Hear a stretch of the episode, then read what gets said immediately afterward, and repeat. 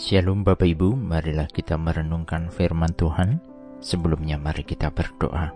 Tuhan kami hendak merenungkan firman-Mu, Roh Kudus pimpinlah kami. Di dalam Tuhan Yesus kami berdoa. Amin. Bacaan saat ini diambil dari Roma 12 ayat 15. Roma 12 ayat 15. Bersukacitalah dengan mereka yang bersukacita dan menangislah dengan mereka yang menangis. Pandemi saat ini membawa banyak kisah yang tentunya bukan cerita kebahagiaan, tetapi kesedihan yang mendalam dan panjang. Sudah lebih dari satu tahun setengah, pandemi ada di dunia ini dan belum menampakkan kapan akan berakhir. Kesedihan terdalam juga ketika orang-orang terdekat kita yang kita kasihi yang ikut terpapar dan akhirnya meninggal dunia. Juga yang saat ini masih berjuang dalam kesembuhan di tengah keterbatasan fasilitas karena begitu banyaknya orang yang terkena.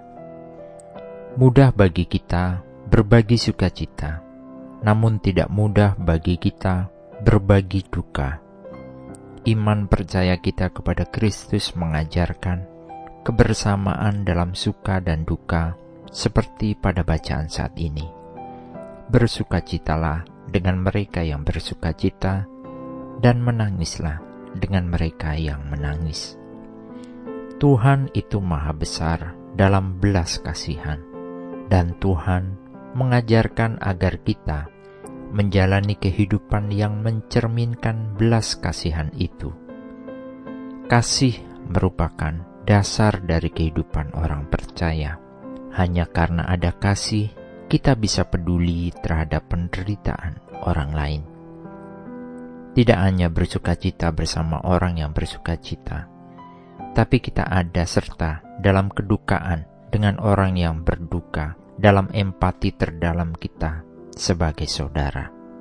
Hal yang mendorong umat yang percaya Kristus memiliki rasa dan duka yang sama adalah adanya kegelisahan karena kesedihan akan yang lain.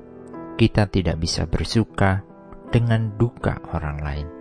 Rasa empati membangkitkan rasa kasih dalam Kristus yang Tuhan juga tanamkan dalam hati setiap orang-orang percaya.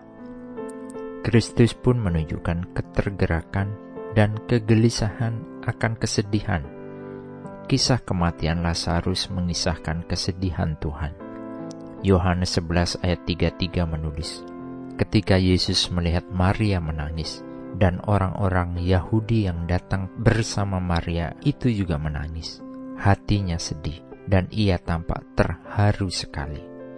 Bahkan kalau kita membaca lanjutan dari bacaan tersebut di dalam tulisan pendek Yohanes 11 ayat 35 tertulis, Yesus pun menangis.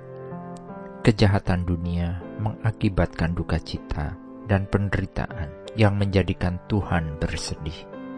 Kita pun hendaknya menunjukkan kegelisahan dan ketergerakan akan dosa yang ada, supaya kesedihan tidak menguasai kita selamanya.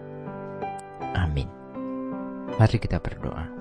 Bapa Surgawi kami bersyukur ketika sukacita menemani hidup kami ketika kami menjadi umat yang mendapatkan kasih karunia Tuhan. Namun Tuhan, kami juga gelisah akan dosa yang membuat kami menangis. Ajari kami tergerak akan ketidakbenaran, sehingga kami senantiasa dilingkupi sukacita dalam kebersamaan dengan sesama kami. Di dalam Tuhan Yesus kami berdoa dan memohon. Amin. Tuhan Yesus memberkati. Shalom.